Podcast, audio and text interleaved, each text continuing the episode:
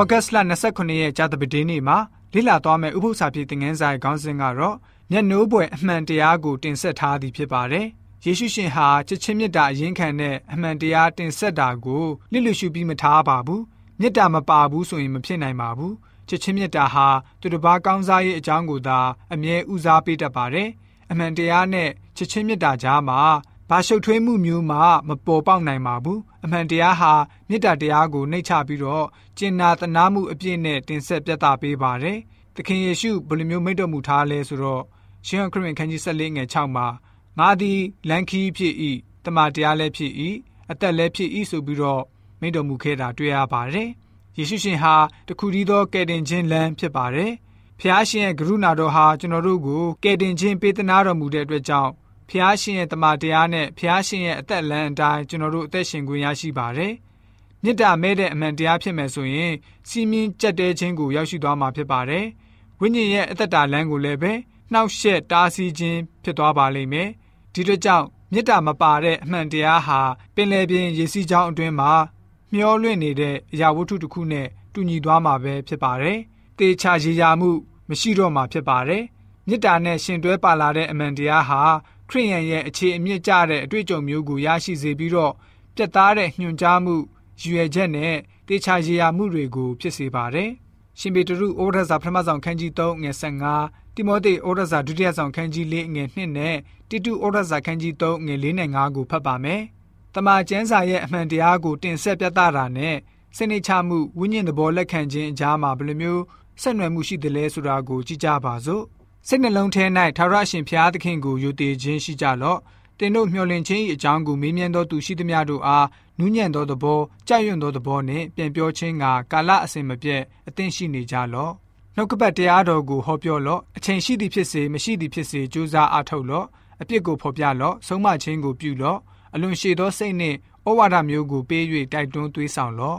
ငါတို့ကိုကယ်တင်တော်မူသောအရှင်ဖျားသခင်၏စေတနာတော်နှင့် လူတို့ကိုချစ်တော်မူသောမေတ္တာတော်သည်ပေါ်ထွန်းသောအခါငါတို့ကျင့်သောဖြောင့်မတ်ခြင်းအကျင့်အဖြစ်မဟုတ်ဘဲမိမိတနာခြင်းကရုဏာတော်နှင့်အညီဒုတိယမွေးခြင်းနှင့်ဆိုင်သောစေကြောခြင်းအဖြစ်၎င်းတန်ရှင်းသောဝိညာဉ်တော်၏အသစ်ပြည့်ပြင်ခြင်းအဖြစ်၎င်းငါတို့ကိုကယ်တင်တော်မူ၏ဆိုပြီးတော့ဖော်ပြထားတာတွေ့ရပါတယ်။ဓမ္မသစ်ကျမ်းရေးသားတဲ့ပုဂ္ဂိုလ်တွေအနေနဲ့တမာတရားရဲ့အထက်မှာမေတ္တာရှိရမယ်လို့ရေးသားခြင်းမရှိကြပါဘူး။တမာတရားနဲ့ချစ်ချင်းမေတ္တာအကြောင်းကို လှပတည်သက်စွာ ပေါင်းဆက်ရေးသားကြပါတယ်။ကရုဏာတော်နဲ့အကျင့်ကျင့်ခြင်းရဲ့သဘောကိုမျှတစွာရေးသားထားပါတယ်။တနာချင်းနဲ့ယူသားမှုကို